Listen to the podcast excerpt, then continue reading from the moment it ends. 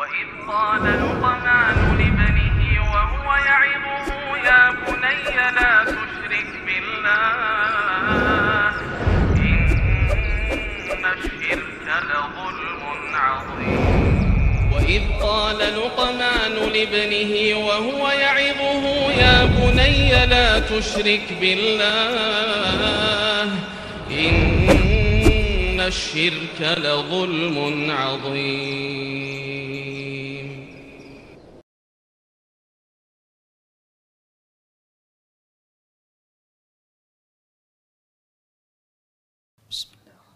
السلام عليكم ورحمة الله وبركاته.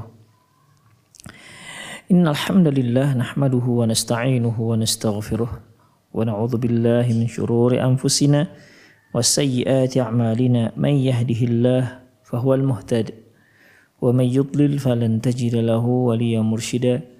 أشهد أن لا إله إلا الله وحده لا شريك له وأشهد أن محمدا عبده ورسوله الذي لا نبي بعده. وقال الله سبحانه وتعالى يا أيها الذين آمنوا اتقوا الله حق تقاته ولا تموتن إلا وأنتم مسلمون. يا أيها الذين آمنوا اتقوا الله وقولوا قولا سديدا. يصلح لكم أعمالكم ويغفر لكم ذنوبكم. ومن يطع الله ورسوله فقد فاز فوزا عظيما. يا أيها الناس اتقوا ربكم الذي خلقكم من نفس واحدة وخلق منها زوجها وبث منهما رجالا كثيرا ونساء. واتقوا الله الذي تساءلون به والأرحام. إن الله كان عليكم رقيبا أما بعد إن أصدق الحديث كتاب الله وخير الهدي هدي محمد صلى الله عليه وسلم وشر الأمور محدثاتها وكل محدثة بدعة وكل بدعة ضلالة وكل ضلالة في النار. Para pemirsa Rosa TV dan pendengar radio Medan Mengaji di mana pun Anda berada, Alhamdulillah sore hari ini kita dapat bersua kembali ya melanjutkan program-program kita di mana serial kali ini serial yang baru yaitu terkait dengan fatwa seputar anak. Hukum-hukum yang terkait dengan anak ia merupakan kelanjutan dari pada sebuah pernikahan. Kita ketahui bahwasanya tentulah apabila seorang laki-laki dan perempuan sudah melangsungkan akad pernikahan, mereka menginginkan seorang anak. Ya, menginginkan tentunya seorang anak.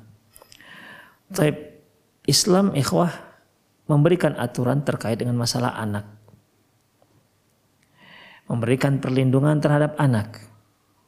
Dan banyak hal yang diatur dalam syariat kita. Taib mengenai fatwa seputar anak ini insyaallah akan kita ambil dari kitab Ittihaful Ulil Albab bi Huquqit Tifli wa Ahkamihi fi Su'ali wa Jawab. Yaitu uh, kitab yang ditulis oleh Abi Abdullah Ahmad bin Ahmad Al-Isawi di mana buku ini penulisannya uh, uslubnya yaitu dengan tanya jawab. Pertanyaan kemudian dijawab oleh beliau dengan mengumpulkan berbagai macam dalil baik Al-Qur'an maupun sunnah Rasulullah sallallahu alaihi wasallam dan uh, fatwa para ulama. Jika dia nanti terkait dengan masalah kedokteran, maka dia beliau juga penulis akan mengutipkan perkataan-perkataan dari para ahli medis. Demikian ikhwah rahimani Allah wa iyyakum. Bicara tentang masalah anak. Bicara tentang masalah anak, ikhwah dalam bahasa Arabnya yaitu at-tifl. Tifl. Apa yang dimaksud dengan tifl di sini? Tifl atau bahasa Indonesianya yaitu anak. Berkata Abu Haytham, As-sabi yud'a tiflan hina yasqutu min batni ummih ila ayyahtalim. Bayi itu sejak dia dilahirkan sampai dia dewasa, sampai dia balik, maka disebut dengan istilah tiflun, anak. Mulai dia lahir sampai dia apa namanya sampai dia balik maka dia disebut dengan at-tiflu yaitu anak-anak. At-tifli ini ikhwah bahasa Arab at-tifl jamaknya al-atfal At-tifl ini bisa digunakan untuk yang mudzakkar dan untuk yang muannas. Pada intinya bahwasanya Abu Hisa Abu Abu Haytham mengatakan yang dikatakan anak-anak sejak dia lahir sampai dia dia balik, baik laki-laki maupun perempuan. Allah Subhanahu wa taala firman, "Tsumma yukhrijukum tifla." Ghafir ayat 67. Kemudian Allah mengeluarkan kalian dari uh, rahim ibu kalian tifla. Tifla disebutkan tifl, tifla yaitu berupa anak-anak. Qala Zujaj. Zujaj berkata, tiflan huna fi maudil atfal yadullu dzalika dzikrul jamaah. Bahwasanya ketika Allah menyebutkan dalam firman-Nya summa yukhrij thumma yukhrijukum tifla kemudian Allah keluarkan kalian dalam bentuk anak-anak kata-kata tifla di sini at-tifl ini menunjukkan bahwasanya eh, kata-kata tiflun itu bisa juga ya bisa juga untuk untuk apa namanya yang bentuk perular perular ya perular pel, uh, perular ya yang itu bentuk jamak ya bentuk jamak jadi kalau ada satu orang anak kecil kita kan ini dia anak-anak, dia masih anak-anak. Kalau dia dua orang juga kita katakan mereka ini adalah anak-anak. Tiga orang mereka adalah anak-anak. Jadi baik satu orang maupun dua orang ataupun tiga orang tetap dikatakan anak-anak. Ya, bahasa Indonesia juga seperti itu. Kalimat anak-anak ini disebutkan untuk satu orang, dua orang maupun yang sifatnya jamak. Taib, ikhwah rahimanallahu yakum. Jadi di sini ya, di sini uh, bahwa yang dikatakan anak-anak itu yaitu mulai dari dia lahir sampai dia uh, balik ya, mulai dia lahir sampai dia balik. Kemudian ikhwah bagaimana Islam ya, bagaimana Islam memberikan aturan ya ataupun memberikan hukum aturan untuk seorang anak sebelum pernikahan kedua orang tuanya. Jadi di sini ikhwah Allah wa iyyakum uh, ketika suami istri sudah melangsungkan akad pernikahan mereka bercita-cita untuk memiliki anak. Ya bercita-cita untuk memiliki anak. Jadi anak ini merupakan sebuah tujuan daripada sebuah pernikahan. Taib. Jadi uh, Islam itu sudah mengatur itu semua, sudah mengatur itu semua, ya. Yang itu semua tujuannya yaitu untuk anak, untuk si anak. Bahkan aturannya itu bukan hanya di saat si anak lahir atau si anak dalam masih dalam kandungan rahim ibunya bahkan sudah diatur demi untuk si anak ini yaitu sejak kedua orang tua mera, uh, mem, apa namanya mencari pasangan. Ya. Sejak kedua orang tua mencari pasangan. Ikhwah ketika laki-laki dan perempuan bertemu sekedar bertemu saja ini tidak akan menghasilkan seorang anak ya. Tidak akan bisa menghasilkan seorang anak. Dan tentunya kalaupun dia eh, apa namanya pertemuan tersebut dilangsungkan dengan akad pernikahan kemudian hubungan suami istri apakah hasilnya akan eh, melahirkan seorang anak yang soleh? Tentu tidak. Tentu tidak ikhwah.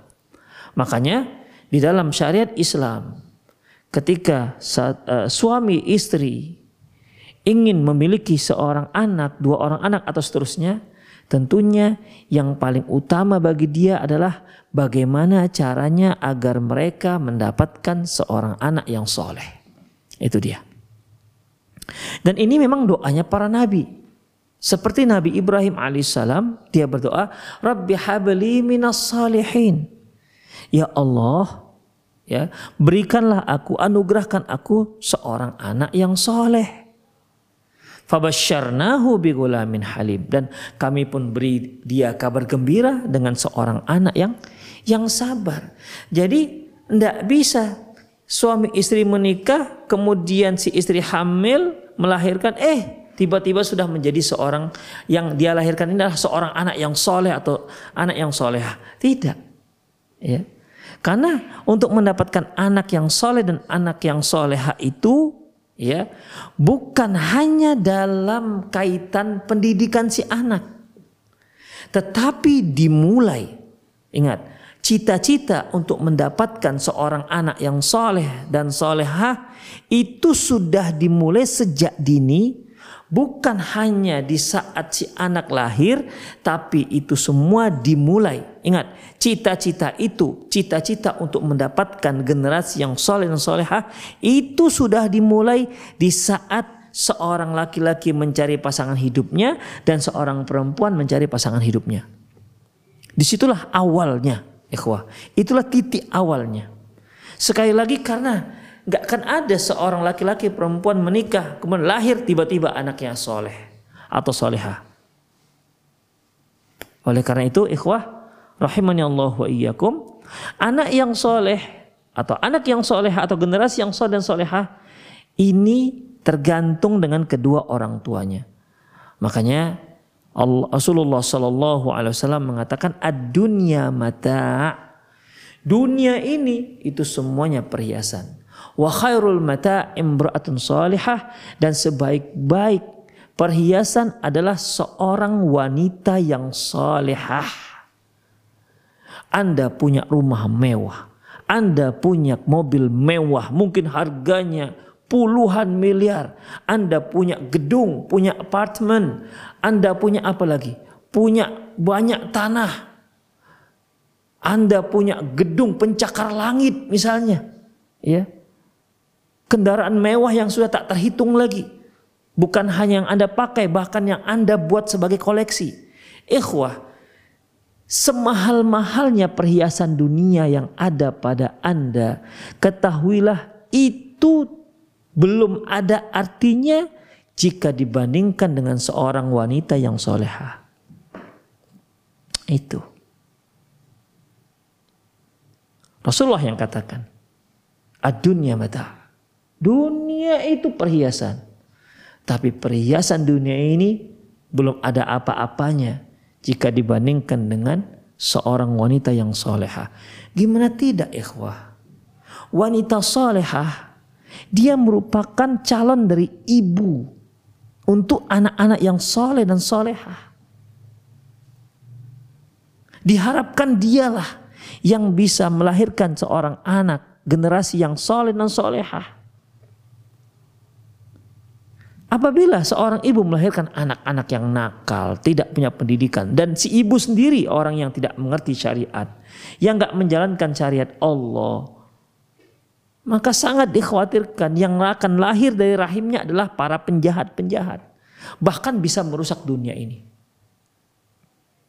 Para pemirsa rahimani Allah wa iyyakum. Makanya ya, seorang laki-laki seorang laki-laki, seorang pria apabila dia bercita-cita untuk mendapatkan generasi yang soleh dan solehah, maka dia mulai dari mana? Cari calon pasangan yang solehah. Itulah dia. Bukan cantik, ya. bukan hart, bukan hartawan, bukan keturunan ningrat, enggak. Tapi apa ikhwah? Yang solehah. Oh jadi nggak boleh tuh mencari wanita yang cantik boleh ya boleh bukan nggak boleh boleh tapi ada prioritas. Apabila dihadapkan kepada anda dua calon yang satu tidak cantik tapi dia soleha. Yang satu cantik luar biasa bening luar biasa tapi nakal luar biasa. Maka pilih yang pertama anda akan Anda akan beruntung. Itulah yang kata Rasulullah Shallallahu Alaihi Wasallam, tungkahul mar'atu li arba'in. Wanita itu dinikahi dikarenakan empat hal. Li jamaliha dikarenakan kecantikannya, wali hasabiha dikarenakan keturunannya, wali maliha dikarenakan hartanya, wali diniha dikarenakan agamanya. Fadhfar bidzati din taribat yadak. Pilih yang agamanya bagus, kamu akan beruntung. Karena itu merupakan modal dasar untuk mendapatkan keturunan yang soleh dan dan solehah. Hadis diriwayatkan oleh Imam Muslim. Kemudian ikhwah rahimani Allah wa iyyakum. Dan sebuah hadis yang diriwayatkan oleh Imam Bukhari dan Muslim juga uh, dari Abu Hurairah radhiyallahu anhu Rasulullah sallallahu alaihi wasallam bersabda, "Khairun nisa raqibun al-ibil salihu nisa al-Quraisy." Sebaik-baik wanita adalah wanita yang mengendarai unta yaitu Salihun nisa'il Quraisy. Itulah wanita Quraisy yang terbaik. Wanita Quraisy yang terbaik. Ahnahu ala waladi ala ala waladin fi sigharihi. Dia sangat sayang terhadap anak-anaknya di saat si anak masih kecil wa ar'ahu ala zaujin fi dzatil yadihi dan dia menjaga harta kekayaan suaminya. Itulah ikhwah. Ya, itu sebaik-baik kaum wanita sebaik-baik kaum wanita. Jadi di sini perlu kita ketahui bahwasanya ya bahwasanya sangat penting sekali untuk mendapatkan anak yang soleh dan solehah kita harus persiapkan kita cari di mana lah di mana gerangan wanita yang solehah ini. Ya di mana gerangan dia? Dicari ikhwah. Ya, dicari. Kemudian uh, berkata Abul Aswad Ad-Du'ali kepada anaknya. Apa katanya? Laqad ahsantu ilaikum sigharan wa kibaran wa qabla an tuladu. Apa kata Abul Asad Ad-Du'ali? Sungguh aku sudah berbuat baik kepada kalian baik ketika kalian masih kecil maupun ketika kalian sudah besar bahkan ketika kalian sebelum lahir. Kalau anak-anaknya bertanya, Wa kaifa ahsanta ilaina qabla an nulad? Wahai ayahanda, gimana caranya Anda telah berbuat baik kepada kami sementara kami belum lahir? Qal dia katakan ikhtartu lakum min ummahatin ma la yasubna biha. Malam tas malam tasbuna biha. Sungguh aku telah memilihkan untuk kalian sungguh aku telah memilihkan untuk kalian yaitu ibu yang solehah. Dan kalian tidak kecewa dengan itu. Jadi ikhwah uh, itu merupakan uh, apa namanya ya cara untuk mendapatkan anak yang soleh. Ada seorang datang kepada Umar bin Khattab radhiyallahu anhu dan dia melaporkan akan nakalnya anaknya, durhakanya si anak. Lantas Umar bin Khattab memanggil si anak dan bertanya, "Benar kamu durhaka dengan ayahmu?" Lantas si anak bertanya, "Wahai Amil Mukminin, apa sebenarnya kewajiban seorang ayah kepada anaknya?" Lantas Umar bin Khattab menyebutkan beberapa kewajiban yaitu uh, dia memberikan memilihkan untuk si anak nama yang baik, mengajarkan si anak Al-Quran dan memilihkan untuk si anak seorang ibu yang solehah. Apa kata si anak? Wahai Amirul Mukminin, sungguh ayahku telah memberiku nama Jual. Jual itu kumbang kelapa. Kumbang kelapa. Tahu kan kumbang? Kemudian dia tak mengajarkan Al-Quran kepadaku. Kemudian dia telah memilihkan untukku seorang ibu yang tidak solehah. Itulah dia. Apa kata Umar bin Khattab? Sungguh kamu telah mendurhakai anakmu sebelum anakmu mendurhakai kamu. Demikian ikhwah. Ya jadi cara kita bersikap baik terhadap anak-anak kita maka pilihkan untuk mereka seorang ibu yang solehah. Ikhwah rahimani Allah wa iyyakum itu yang uh, yang kedua. Ya, yang pertama tadi terkait dengan definisi daripada anak, yaitu mulai dari dia lahir sampai dia dewasa. Kemudian eh, bagaimana perhatian Islam terhadap cita-cita untuk mendapatkan anak yang soleh dan solehah, yaitu dimulai dari menjadi pasangan. Ya tentunya tidak hanya si ibunya yang solehah, si ayah juga tentunya harus mempersiapkan diri menjadi seorang ayah yang solehah. Pertanyaan ketiga, hal yukrahu zawat minal aqarib? Apakah dimakruhkan menikah dari karib kerabat? Mungkin para pes, para pemirsa pernah mendengar, oh nggak boleh kalau nikah sesama kerabat. Ya, nggak boleh nikah sesama kerabat. Biasanya kalau kita di Indonesia satu marga nggak boleh. Ya, kalau si laki-laki misalnya siregar, perempuannya nggak boleh siregar karena itu kerabat, kerabat dekat. Lantas bagaimana pandangan Islam dalam masalah ini? Bagaimana pandangan Islam dalam masalah ini? Ikhwah, uh, memang ada para ulama yang mereka kurang menyetujui pernikahan dari karib kerabat tinjauan mereka dari sisi uh, apa namanya ya untuk sebagai tindakan preventif. Seandainya pasangan ini dari kerabat dan mereka terjadilah pertengkaran di antara mereka, maka dikhawatirkan dikhawatirkan yang pecah itu tidak hanya si istri dan suami, tapi terbawa-bawa pada kerabatnya. Jadi akhirnya kerabat yang satu, kerabat si istri membenci kerabat suami atau sebaliknya. Itu yang dikhawatirkan. Itu satu pertimbangan mereka. Yang kedua, ikhwah, yang kedua uh, setiap manusia itu ada DNA, ada kromosom dan seterusnya. Di mana kalau seandainya di satu kerabat ini ada apa ya, ada namanya uh, penyakit turunan, ya bahasa bahasa orang-orang sel itu biasanya dengan uh, dengan penyebutan uh, apa namanya x dan y misalnya. Jadi tinjauan kedua mengapa ada para ulama yang me, memakruhkan ya kurang begitu menyetujui kalau nikah dengan kerabat seandainya si laki-laki menikah dengan si perempuan dari kerabat yang satu ya tentunya yang bukan mahar, yang bukan mahramnya ya dari kerabat yang sama Seandainya dari kerabat tersebut ada penyakit turunan, maka apabila penyakit turunan ini berasal da, apa namanya turun dari ayah, turun dari ayah saja, sementara si ayah punya istri yang bukan dari kerabat, dari kerabatnya, tentu penyakit ini akan semakin lemah. Tapi apabila si laki-laki ini punya istri juga sama kerabatnya, sama-sama satu kerabat, maka penyakit turunan tadi bisa semakin kuat turun kepada si si anak. Itu tinjauannya. Ya. Demikian ikhwah Allah wa iyyakum. Dalam kitab Fathul Bari, ya, Al-Hafiz Ibnu Hajar uh, menukil dari uh, perkataan Imam Asy-Syafi'i rahimahullah apa kata beliau? Karahatu zawaji rajuli min ashiratihi al-aqrabin.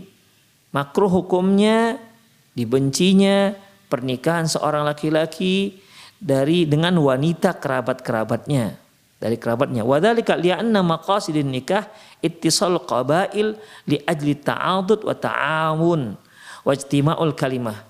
Karena tujuan pernikahan itu yaitu untuk menyatukan uh, kabilah-kabilah bisa saling ta'awun kerjasama dan untuk lebih memperkuat persatuan. Nah, demikian ikhwah. Itulah beberapa alasannya. Namun ikhwah rahimani Allah wa iyyakum uh, yang rojih bahwa menikah dengan kerabat itu bukanlah suatu hal yang dibenci. Ya, bahkan tidak makruh juga. Bahkan tidak dikatakan makruh. Mengapa demikian ikhwah? Allah Subhanahu wa taala firman dalam soal Ahzab, Ya ayuhan nabiyyu inna ahlalna laka azwajaka allati ataita ujurahunna wa mimma malakat Yaminuka mimma Allah. Ya Nabi, sesungguhnya kami telah menghalalkan untukmu wanita-wanita yang telah engkau berikan maharnya dan uh, hamba-hamba sahayamu yang Allah berikan kepadamu. Kemudian wabanatu ammika wabanatu ammatika. Demikian juga kami halalkan untukmu putri daripada paman-pamanmu dan putri daripada bibi-bibimu. Kalau ammu dengan ammah yaitu paman dan bibi dari pihak dari pihak ayah. Wa banatu khalika wa banatu khali, khalatika allati hajarna ma'ak dan juga kami halalkan untukmu putri dari pamanmu dari pihak ibu dan putri dari bibimu dari pihak ibumu. Artinya kan ini semua kerabat. Ini semua kerabat kerabat dekat Rasulullah Shallallahu Alaihi Wasallam dan dalam kenyataannya ikhwah Rasulullah Shallallahu Alaihi Wasallam menikah dengan uh, Fatimah binti Jahshin. Fatimah binti Jahshin radhiyallahu anha ini adalah anak daripada bibi kandung Rasulullah Shallallahu Alaihi Wasallam.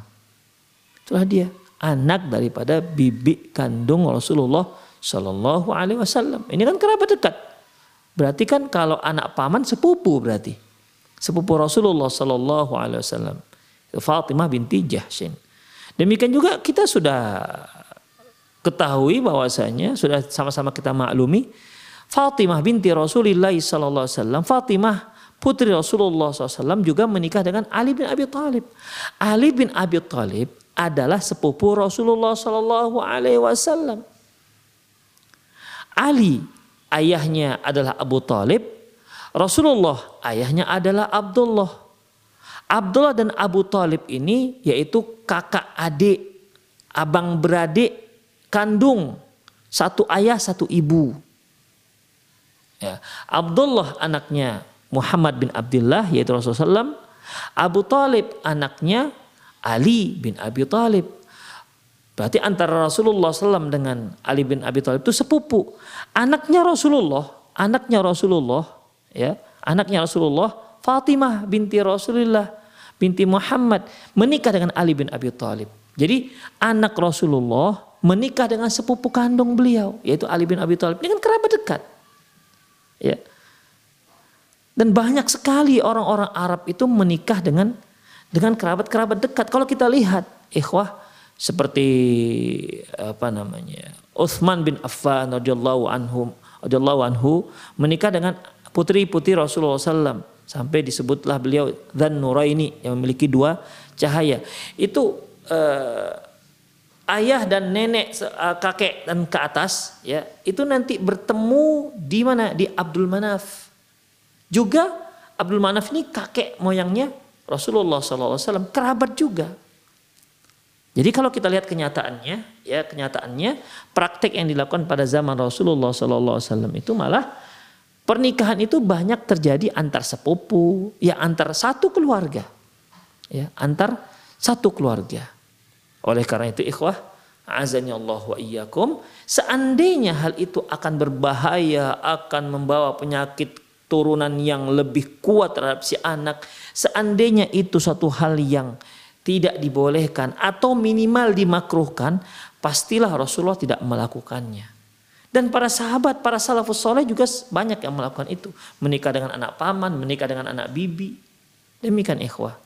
Jadi intinya bahwasanya menikah dengan kerabat itu boleh, ya boleh.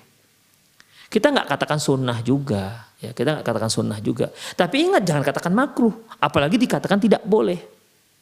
Demikian. Apalagi difonis bahwasanya ini akan memudaratkan si anak. Ini tentunya tidak dibenarkan ikhwah. Jadi bagaimana? Prinsip memilih pasangan tetap seperti yang kita sebutkan tadi.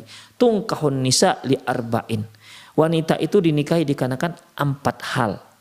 Dikarenakan dikarenakan eh, kecantikannya, dikarenakan keturunannya, dikarenakan apa namanya dikarenakan kekayaannya, dikarenakan agamanya. Pilih yang agamanya. Jadi kamu pilih, perhatikan, prioritaskan yaitu yang agamanya bagus. Mau dari mana pun dia, apakah mau dari kerabat, apakah mau dari selain uh, orang jauh, apakah berbeda suku, berbeda bangsa, nggak ada masalah. Yang penting dia seorang wanita yang soleha. Yang penting dia adalah seorang laki-laki yang soleh. Itu dia. Tidak harus kerabat. Tidak harus juga nggak kerabat. Ya kalau ada kerabat dekat kita dia soleh atau soleha, kenapa tidak? Demikian ikhwah. Jadi Islam ternyata tidak membatasi ataupun malah menyatakan makruh, tidak dianjurkan, nggak mengatakan bahwa saya tidak tak, tidak menganjurkan uh, nikah dari sama kerabat, nggak ada seperti itu ikhwah.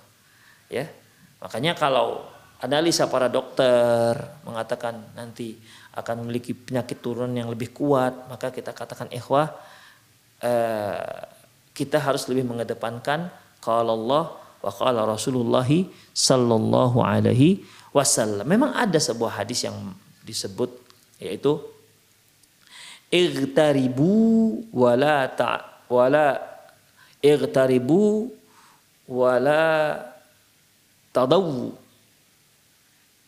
Igtaribu itu artinya menikahlah kalian dengan orang yang bukan kerabat. Jangan kalian menikah dengan yang orang kerabat. Tapi hadis ini doif. Ya. Hadis ini doif sekali. Demikian. Jadi tidak ada satu hadis pun yang melarang atau memakruhkan ya, menikah dengan para kerabat. Kesimpulannya boleh menikah dengan kerabat. Boleh, enggak kerabat boleh. Ya, Islam menyebutkan bukan masalah kerabat enggak kerabat, tapi menyebutkan yaitu pilih yang solehahnya Fadfar bidatid din taribat yadak. Pilih yang solehah, kamu akan beruntung. Laki-lakinya juga begitu. Idza ja'akum mimman tardawna dinahu wa khuluquhu fazawiju. Apabila datang kepada kalian uh, datang kepada kalian yang cocok kalian lihat agama dan akhlaknya, maka nikahkan dia dengan putri-putri kalian. Itu yang ada dasarnya ikhwah. Ya, itu yang ada dasarnya. Kalau seandainya kita dapat ternyata yang soleha itu ada di kerabat kita, silahkan maju lamar dia. Bagaimana dengan penyakit-penyakit? Itu serahkan kepada Allah Subhanahu wa taala. Mengapa yang difokuskan itu malah penyakit? Kenapa? Kalau seandainya di sana ada kejeniusan di kerabat tersebut. Taip. Kalau kejeniusan itu ada turunan dari ayah dan ada turunan dari ibu. Turun ke anak, kan tambah jenius dia si anak. Ya, kenapa kok harus yang difokuskan? Apa namanya gen gen yang yang penyakit? Ada juga kan gennya gen kecerdasan. Demikian ikhwah rahimani Allah wa iyyakum. Itulah dia. Jadi kesimpulannya boleh, tidak ada masalah, tidak ada dimakruhkan. Ya, tidak ada. Itu semua boleh. Ingat yang terbaik, yang soleh dan solehah.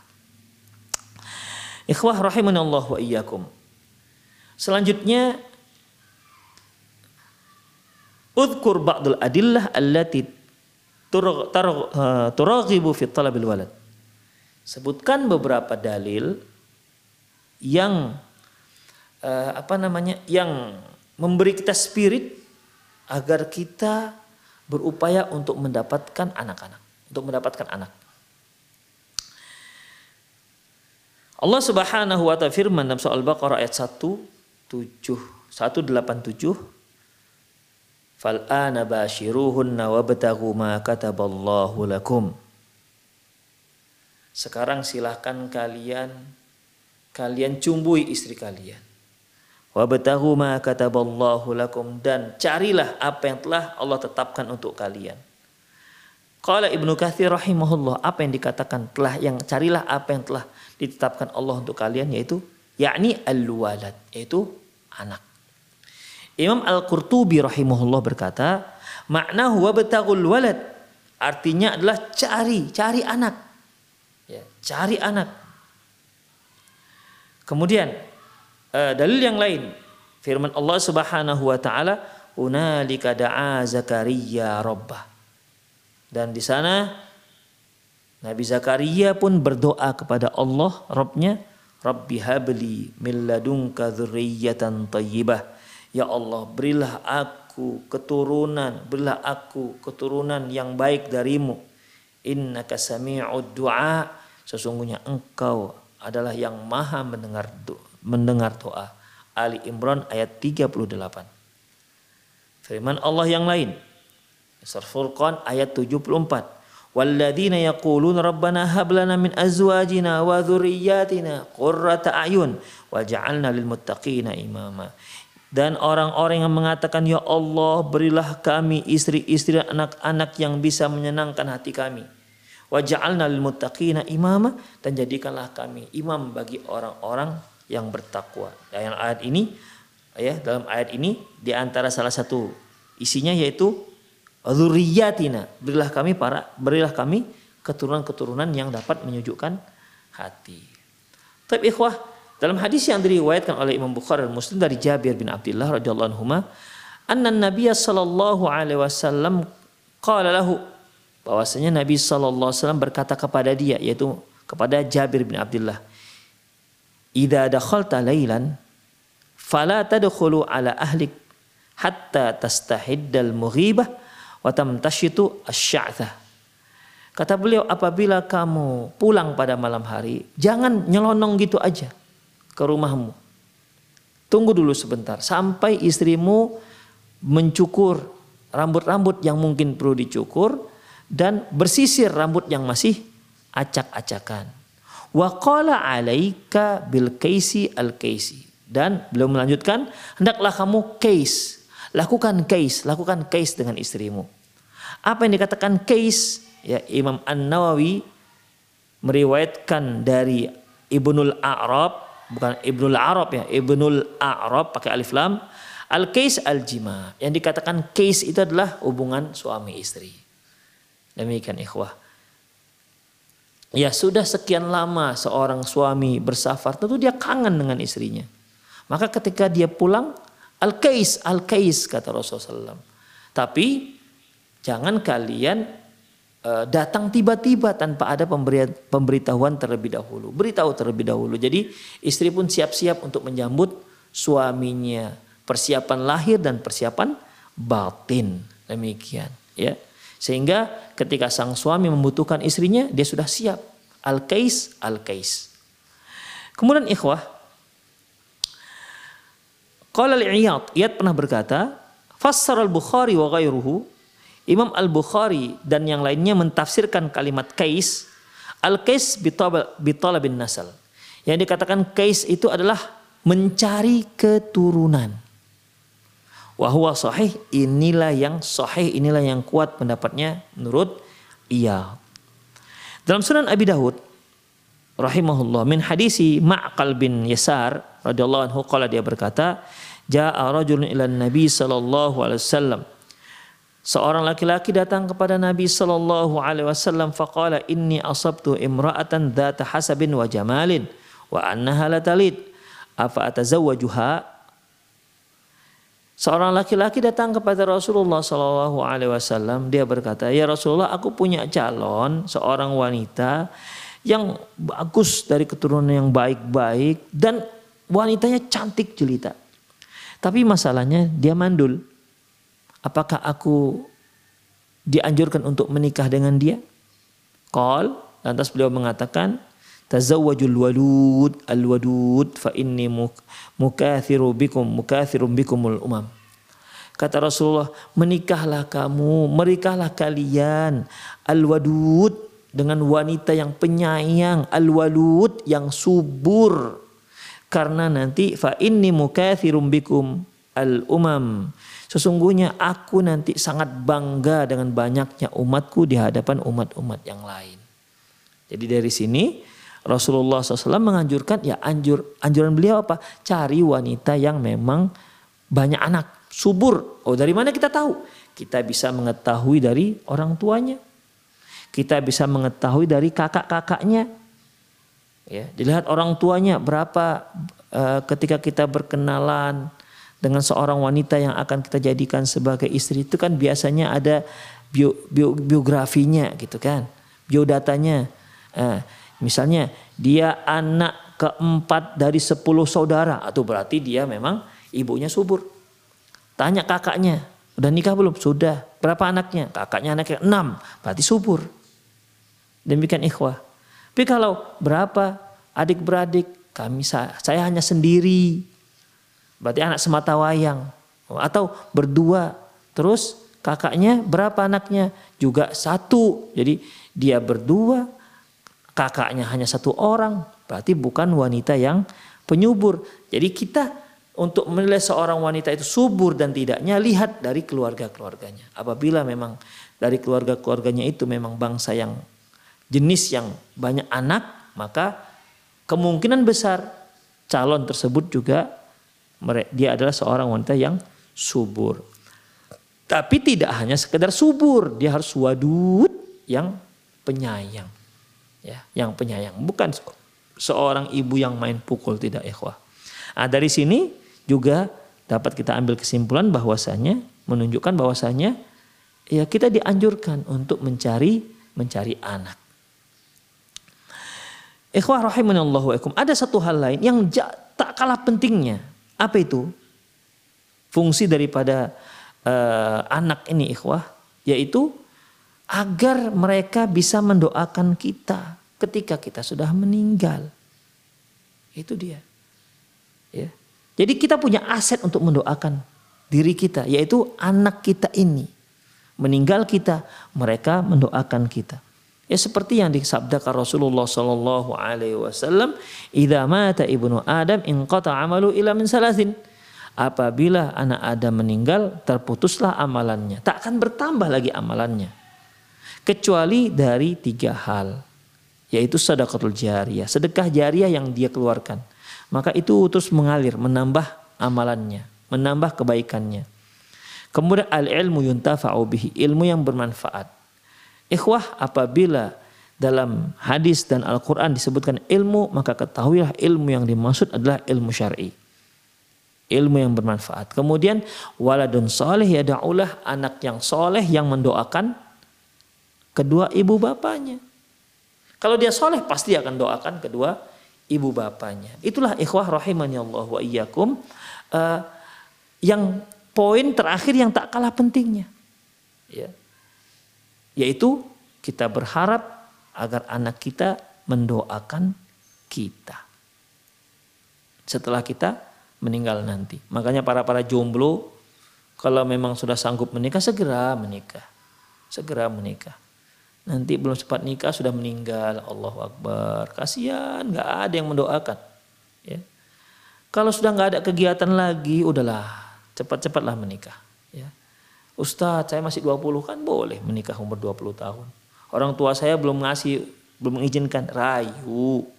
Begitu. Ya, orang nggak ada kegiatan. Kuliah enggak. Apa pun enggak. Ya nikah aja lah sudah. Ya. Kenapa? Kalau punya anak, ya meninggal kita ada aset kita untuk menambah perbekalan.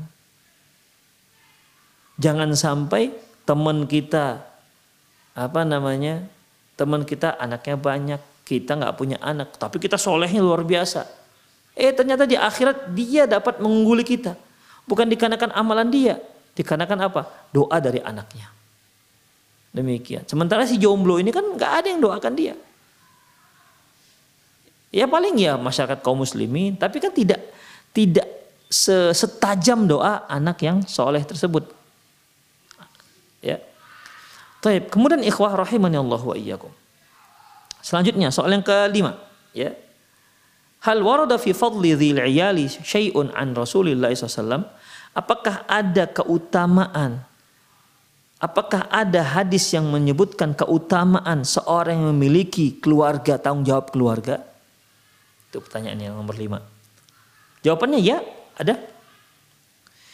Yaitu dari Iyad, hadis yang diriwayatkan oleh Imam Muslim dari Iyad bin Himar bin Himar Al-Majasyi Al-Majasyi radhiyallahu anhu anna Rasulullah sallallahu alaihi wasallam qala data yaumin fi khutbatihi bahwasanya suatu dalam satu khutbahnya Rasulullah sallallahu alaihi wasallam ber, berkata ala inna rabbi amrani an uallimakum ma jahiltum mimma 'allamani.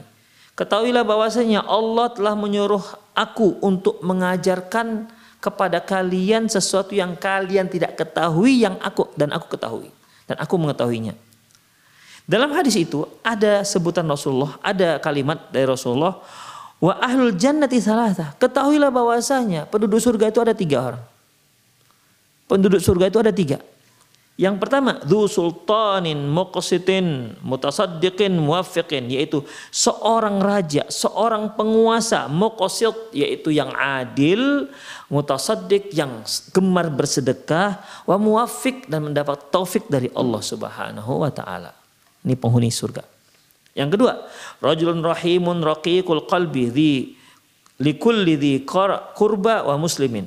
Yang kedua, seorang laki-laki yang rahim, penyayang, hatinya lembut kepada setiap kerabat, kepada seluruh kerabat dan kaum muslimin.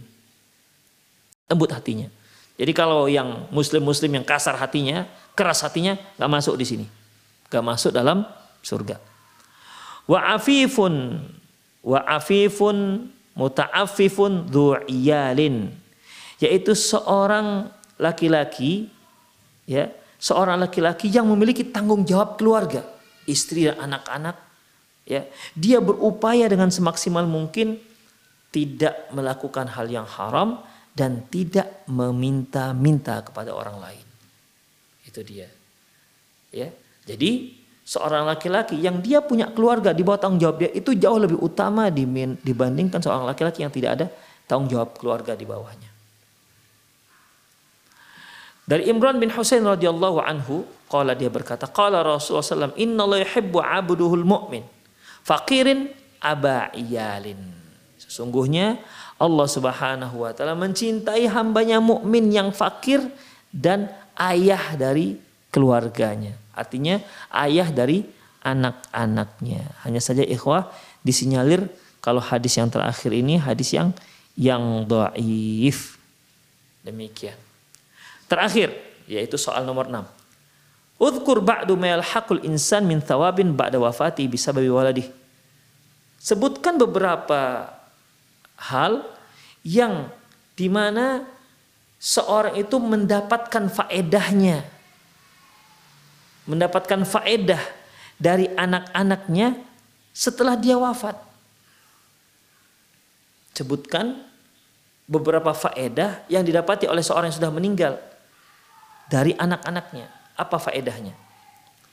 Pertama ikhwah sebagaimana yang kita katakan tadi, idza mata ibnu Adam inqata amalu ila min salasin. Apabila anak Adam itu meninggal maka terputus maka terputuslah amalannya kecuali tiga sedekatul jariyah, sedekah jariyah, al ilmu yuntafa'u bihi, ilmu yang bermanfaat, waladun saleh ya da'ulah seorang anak yang saleh yang mendoakannya. Udah, satu. Dan yang ketiga tadi kan waladun saleh ya ya da'ulah. Itulah dia. Kemudian ya, hadis tadi diriwayatkan oleh Imam Muslim dan Imam Abi Daud. Dari hadis Abu Hurairah radhiyallahu anhu, Rasulullah sallallahu alaihi wasallam bersabda, "Inna rajula la turfa'u darajatuhu fil jannah." Sesungguhnya seorang itu dinaikkan oleh Allah Subhanahu wa taala derajatnya di di surga kelak. Fayaqulu anna hada. Dia pun heran loh, kok bisa ya Allah? Bahasa gitu, kok bisa saya dapat derajat yang tinggi seperti ini di surga? Fayuqalu maka dikatakan kepadanya bistighfari waladik walid waladiki wa bistighfari waladuki bistighfari walad waladik wala waladuka laka. Bistighfari waladika laka. Dikatakan kepadanya bistighfari waladika laka ini dikarenakan anakmu yang senantiasa memohon kepada Allah agar engkau diampuni oleh Allah Subhanahu wa taala. Senantiasa mendoakanmu agar Allah mengampuni dosa-dosamu. Jadi ikhwah, Si ayah yang sudah meninggal merasa heran, kok bisa dia mendapatkan derajat yang tinggi di surga, sementara dia merasa nggak seperti itu dia beramal. Ternyata ya membuat dia semakin tinggi dan semakin tinggi semakin tinggi karena anak-anaknya senantiasa mendoakannya. Demikian ikhwah. Jadi kalau dia hanya punya anak satu, ya cuma satu orang yang doakan. Kalau dia punya anak lima, lima orang yang mendoakan. Oke lah satu mungkin nggak dikabulkan, empat lagi Demikian. Jadi kalau ada seorang anak, seorang ayah punya anak sepuluh, oke, sepuluh sepuluhnya mendoakan. Oke, mungkin ada satu dua tiga empat yang nggak mendoa, apa namanya nggak terkabul doanya. Mungkin ada di antara yang sepuluh itu terkabulkan doanya. Karena untuk mengabulkan doa itu bisa satu satu saja berdoa Allah bisa mengabulkan. Demikian. Jadi kemungkinan kemungkinan besar uh, seorang ayah yang memiliki banyak anak kemungkinan besar doanya itu lebih makbul dari anak-anaknya ketimbang yang lain. Kemungkinan. Kenapa? Banyak yang mendoakannya. Ya, walaupun memang sebenarnya kaum muslimin kaum muslimin di mana pun dia boleh dan bisa mendoakan dirinya ketika dia sudah meninggal. Ya seperti isi doa jenazah, sholat jenazah itu kan isinya doa semua terhadap si mayit. Ya sampai insya Allah bermanfaat bagi si mayit doa setiap kaum muslimin yang mendoakannya. Tapi beda tingkat ketajamannya beda dengan doa anak kandung untuk orang tuanya. Demikian ikhwah rahimani Allahu wa iyyakum. Jadi untuk pertemuan kali ini itu saja ada enam, enam pertanyaan ya. ya. Jadi kajian kita ini uh, uslubnya, metodenya yaitu ada pertanyaan kemudian jawaban. Ada pertanyaan kemudian jawaban. Saya ulangi yang pertama yaitu definisi daripada anak tifel ya. Yang kedua yaitu apa e, perhatian sebagaimana sejauh mana perhatian kaum muslimin uh, perhatian syariat Islam untuk mendapatkan anak yang soleh. Kemudian soal yang ketiga, apakah dibenci adanya pernikahan sesama kerabat? Ini sudah kita bahas. Kemudian yang keempat, yaitu apakah ada dalil yang memberi kita spirit untuk mendapatkan anak yang kelima, apa keutamaan seorang yang memiliki tanggungan keluarga? Yang keenam yaitu apakah di sana ada dalil yang menyebutkan adanya fungsi keutamaan eh, keutamaan seorang yang sudah meninggal di mana pahala yang mengalir dengan sebab anaknya.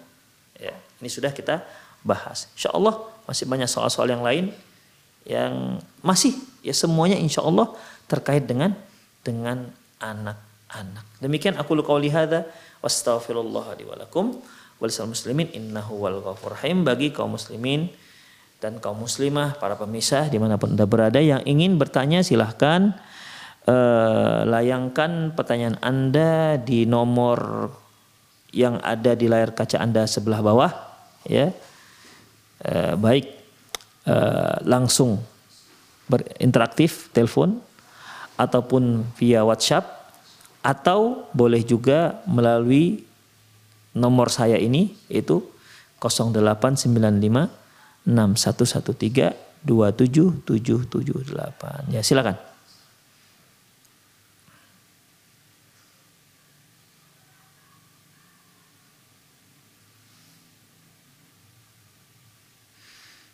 Ada silahkan. Bagi pemirsa yang ingin bertanya silahkan.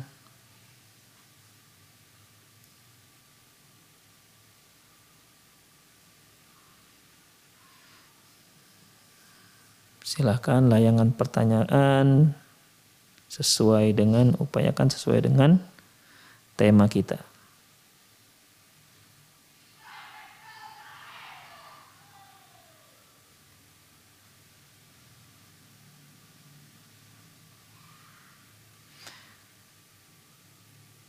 Saya sudah masuk satu. Bismillah, Ustadz saya ibu yang bekerja sebagai PNS. Setiap hari saya selalu berkemas selalu berkemas rumah, memasak dan menyiapkan anak-anak sebelum berangkat kerja. Akibatnya saya selalu telat berangkat kerja sekitar satu jam.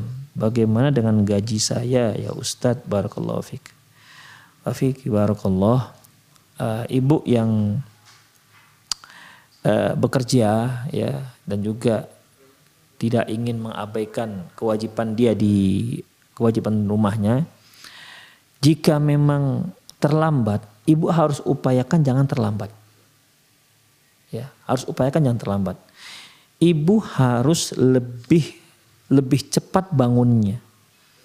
Sehingga anak-anak anak-anak bisa dipersiapkan dan ibu pun tidak terlambat. Ya, jadi tidak uh, jangan sampai ibu terlambat. Karena itu merupakan akad ibu dengan perusahaan, tempat ibu bekerja dengan negara, ya. Kalau ibu terlambat, kalau ibu terlambat dan sulit untuk tidak terlambat, maka sudah sebaiknya ibu minta izin dengan kepala ibu, dengan direktur ibu, dengan ketua ibu. Sebutkan apa masalahnya, sebutkan mengapa tidak bisa lebih awal. Kalau dia mengizinkan, ya berarti apa yang ibu dapatkan itu halal. Kalau dia tak mengizinkan, berarti ibu harus berupaya jangan sampai terlambat. Demikian. Ya, lebih cepatlah bangunnya. Ya kalau jam habis subuh ibu masih terlambat, ibu bangun jam 4 untuk menyelesaikan semua urusan rumah tangga. Demikian Allah alam bisawab. Ya silahkan ada yang telepon telepon masuk.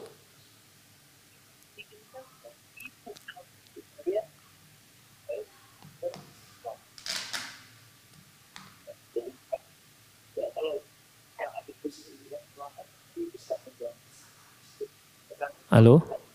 Halo, Assalamualaikum. Waalaikumsalam warahmatullahi wabarakatuh. Ah, yang mau saya tanyakan ini Pak, seandainya kalau seseorang itu tidak punya anak kandung, dari mana dia dapat kebahagiaan doa dari anak yang soleh itu Pak? Ah, cuma itu saja.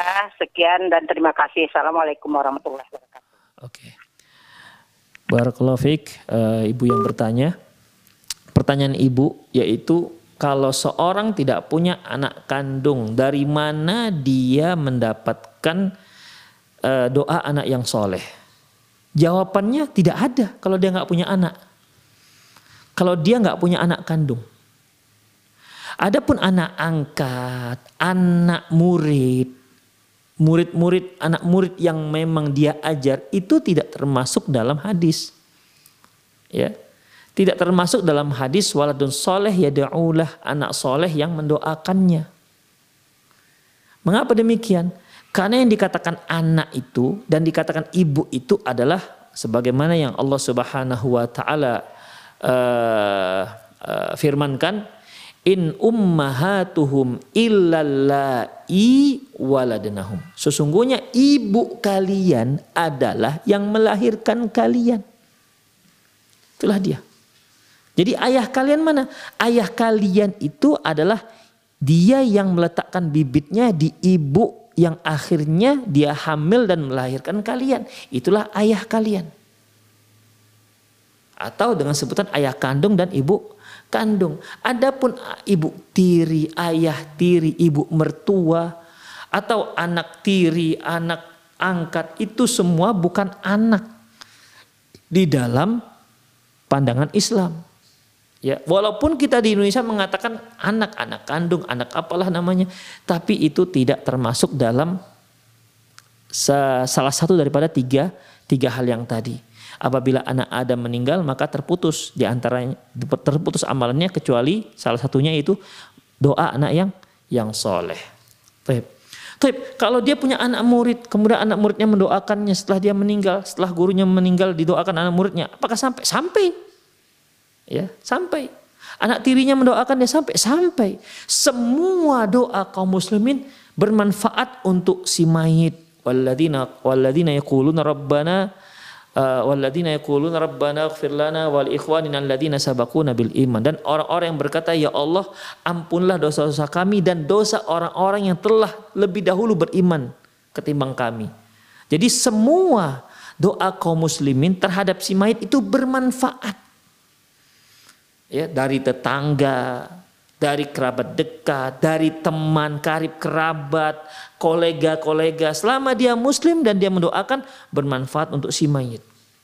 Hanya saja nah, tidak setajam doa anak soleh untuk orang tuanya. Karena ini jalur khusus. Demikian ikhwah. Jadi kalau dia nggak punya anak kandung di mana? Nggak ada berarti. Namun alhamdulillah Allah Subhanahu wa taala memberikan doa itu bermanfaat, apa namanya? bermanfaat, amalan akan terus bertambah tidak hanya dari doa anak yang soleh, tapi dari tiga. Sedekah jariah, ilmu yang bermanfaat, dan doa anak yang soleh. Kalau dia nggak punya anak, masih ada dua lagi. Yaitu sedekah jariah dan ilmu yang bermanfaat. Makanya fokuslah dengan dua hal ini. Banyak-banyaklah memberi sedekah jariah. Banyak-banyaklah menebarkan ilmu yang bermanfaat. Karena itu juga dapat menambah pahala kita walaupun kita sudah meninggal. Ya, tapi karena dia nggak punya anak yang nggak punya anak, kalau Allah dia nggak punya anak, berarti ya dia tidak mendapat dari satu jalur ini, tapi dia bisa mendapat dari jalur yang lain. Tapi ingat, ikhwah, bukan tidak boleh mendoakan, bukan nggak bisa doakan. Doanya tetap masuk, tetap bermanfaat. Siapa saja dari kalangan kaum muslimin, jika dia mendoakan untuk si mayit jenazah yang sudah meninggal, itu akan bermanfaat. Tapi beda, beda tajamnya dengan doa anak soleh untuk kedua orang tuanya. Allahu a'lam bishawab. Assalamualaikum Ustaz, bagaimana dulu ketika lahir anak pertama saya sebelum saya hijrah tanpa ada doa-doa untuk minta anak yang soleh tanpa memikirkan upaya-upaya mendapatkan anak yang soleh seperti tadi yang dipaparkan. Tapi setelah hijrah belakangan baru minta dengan doa upaya agar mendapatkan anak-anak yang soleh. Iya, ya.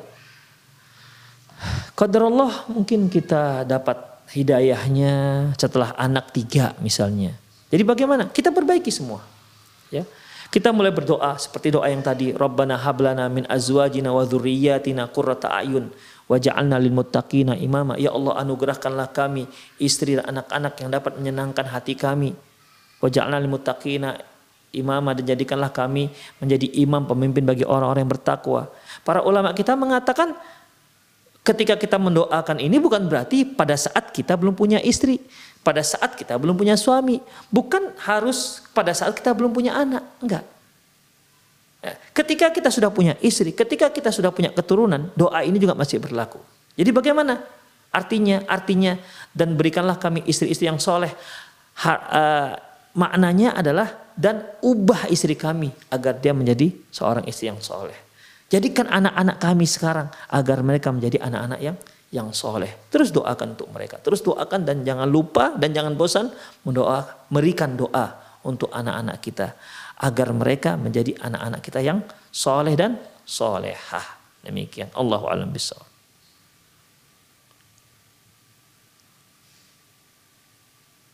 Assalamualaikum mohon doanya Ustaz agar anak-anakku dimudahkan menghafal Quran dari Ibu Iqbal di Pasbar, Pasaman Barat. Ya semoga Allah Subhanahu wa taala memudahkan anak-anak ibu untuk atau bapak untuk menghafal Quran mungkin dan tentunya tujuan utama ya agar mereka bisa mengamalkan Al-Quran agar mereka bisa menjadikan Al-Quran itu sebagai akhlaknya ya bukan hanya sekedar sampai menghafal Al-Quran karena tujuan menghafal Al-Quran itu bukan bukan bukan tujuan akhir. Tapi tujuan menghafal Al-Quran itu adalah agar bisa hidup dia bersama Al-Quran, agar akhlaknya, kesabarannya sama seperti yang ada dalam Al-Quran yang dia hafal.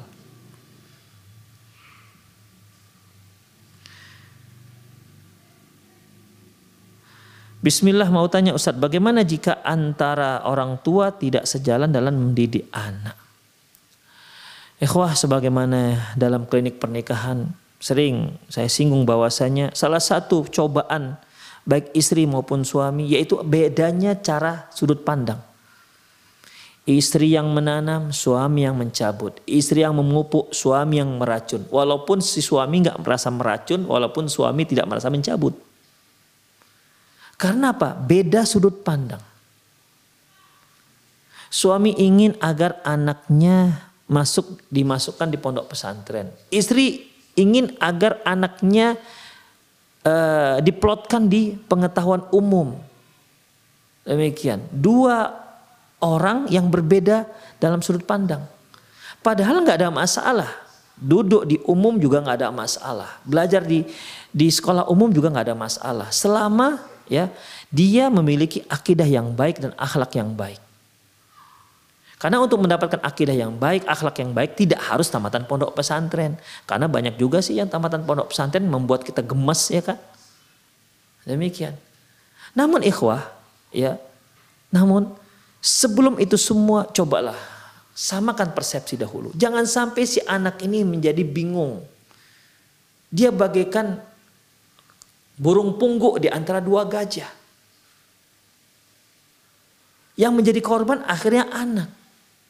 Cobalah didiskusikan dulu antara suami dan istri kedua orang tua. Ini anak kita ini mau kita bawa ke mana? Sepakat dahulu ikhwah. Jangan sampai tidak sepakat. Kalau enggak nanti ketika yang suami misalnya memaksakan dirinya, udahlah pokoknya ini nut ini pendapat saya harus begini, kamu harus ikut misalnya. Ya bisa saja sang istri dengan cuek-cuek bebek ya terserah abang lah. Yang penting kalau jadi apa-apa aku nggak mau nggak mau tanggung jawab misalnya begitu. Jadi coba diskusikan ya, diskusikan dengan istri, dengan suami dan diskusikan juga dengan anak kita yang akan kita kita kita mau sekolahkan ke mana. Ya. Mungkin si anak punya keinginan tersendiri ke mana dia mau, ke mana dia ingin sekolah. Mungkin dia ingin menjadi seorang pilot, misalnya nggak ada masalah. Ya. Seorang pilot tapi dia tahu hadis kan nggak ada masalah. Seorang pilot tapi dia hafal Quran kan juga bukan satu hal yang mustahil. Ya, bukan satu hal yang mustahil. Demikian. Mungkin para pemirsa eh, para pemirsa pernah mendengar uh, Musa Hafiz ya, yang kecil. Ya, anak kecil masih empat tahun dia lalu sudah hafal Quran. Dia sudah hafal Quran. Apa cita-citanya kalau kita tanya? Jadi pilot. Demikian, dari pilot pesawat terbang katanya. Demikian. Jadi bukan satu hal yang kalau kita pelotkan anak kita ke dinia belajar agama lantas dia pasti nggak mengerti umum. Nggak nggak harus begitu ya. Kalau anak kita suka belajar di umum bukan berarti dia harus jadi jahil dengan agama dia. Enggak tetap ikhwah. Kalaupun dia ternyata seorang dokter jadikan dia seorang dokter yang akidahnya bagus akhlaknya bagus jadi tidak menjadi dokter-dokter yang nakal. Demikian Ya, jadi untuk masalah ini harus dirembuk dahulu. Dirembuk antara suami istri, satukan persepsi, kemudian setelah satu persepsi tanya si anak ke mana dia mau. Assalamualaikum Ustaz, apakah anak yang belum akikah oleh orang tuanya semasa kecil lantas si anak mengakikahkan diri sendiri setelah besar apakah dibolehkan jazakallah khairan dari Abu Rizal dari Subang. Ikhwa Allah alam bisawab Rasulullah Shallallahu Alaihi Wasallam mengakikahkan diri beliau setelah beliau dewasa dan hadis tersebut dihasankan oleh Syekh Muhammad Nasiruddin Al Albani. Ya memang akikah itu eh, pada hari ketujuh atau ke-14 atau ke-21. Kalau nggak bisa, ya kapan dia bisa? Karena Syekh Muhammad bin Shalih Al Utsaimin mengatakan karena kullu mauludin marhunun bi akikati setiap anak yang lahir itu tergadai dengan akikahnya. Berarti selama dia masih tergadai belum diakikahkan, ya kapan dia bisa menebus ya, menebus uh, menebus uh, gadaiannya itu. Ya sudah dia besar baru dia bisa menebus ya sudah. Demikian. Jadi dari dari hadis Syekh Albani tadi yang dihasilkan oleh Syekh Albani dibolehkan. Allah alam bisa. Ya silahkan bagi pemirsa yang ingin bertanya. Halo, dari siapa dan dari mana? Halo.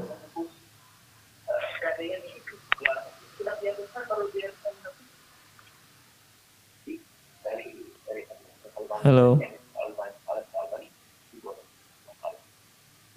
Halo, Assalamualaikum. Waalaikumsalam. Dari siapa? Halo, dari mana, Bu? Waalaikumsalam warahmatullahi wabarakatuh. Halo, Assalamualaikum. Waalaikumsalam warahmatullahi wabarakatuh.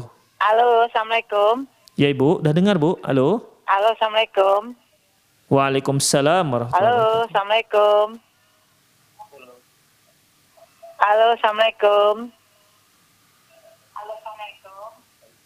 Waalaikumsalam warahmatullahi wabarakatuh.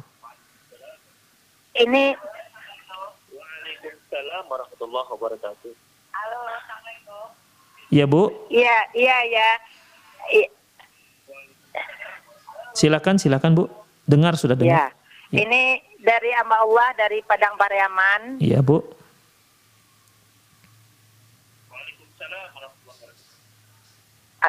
Iya silakan Bu, silakan Bu, silakan. Ini sudah dari. Amba Allah dari Padang Pariaman. Iya. Eh, yang mau yang mau saya tanyakan yang mau saya Iya. yang mau saya tanyakan set, eh, set- amalan setelah salat fardu saya zikir tapi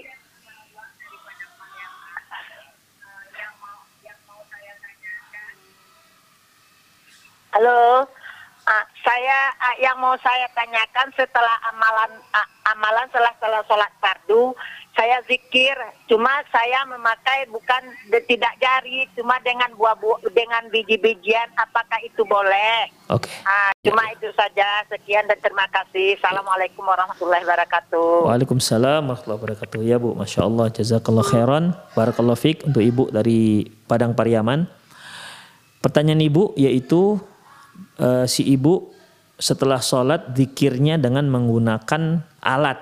Apakah dia biji tasbih atau mungkin yang pakai yang digital begitu kan? Apakah hal ini dibolehkan? Ikhwah rahimani Allah wa iyyakum. Ada dalam sebuah hadis di mana eh, Rasulullah Shallallahu Alaihi Wasallam melihat ada sahabat yang berzikir dan menghitungnya dengan menggunakan batu. Ya.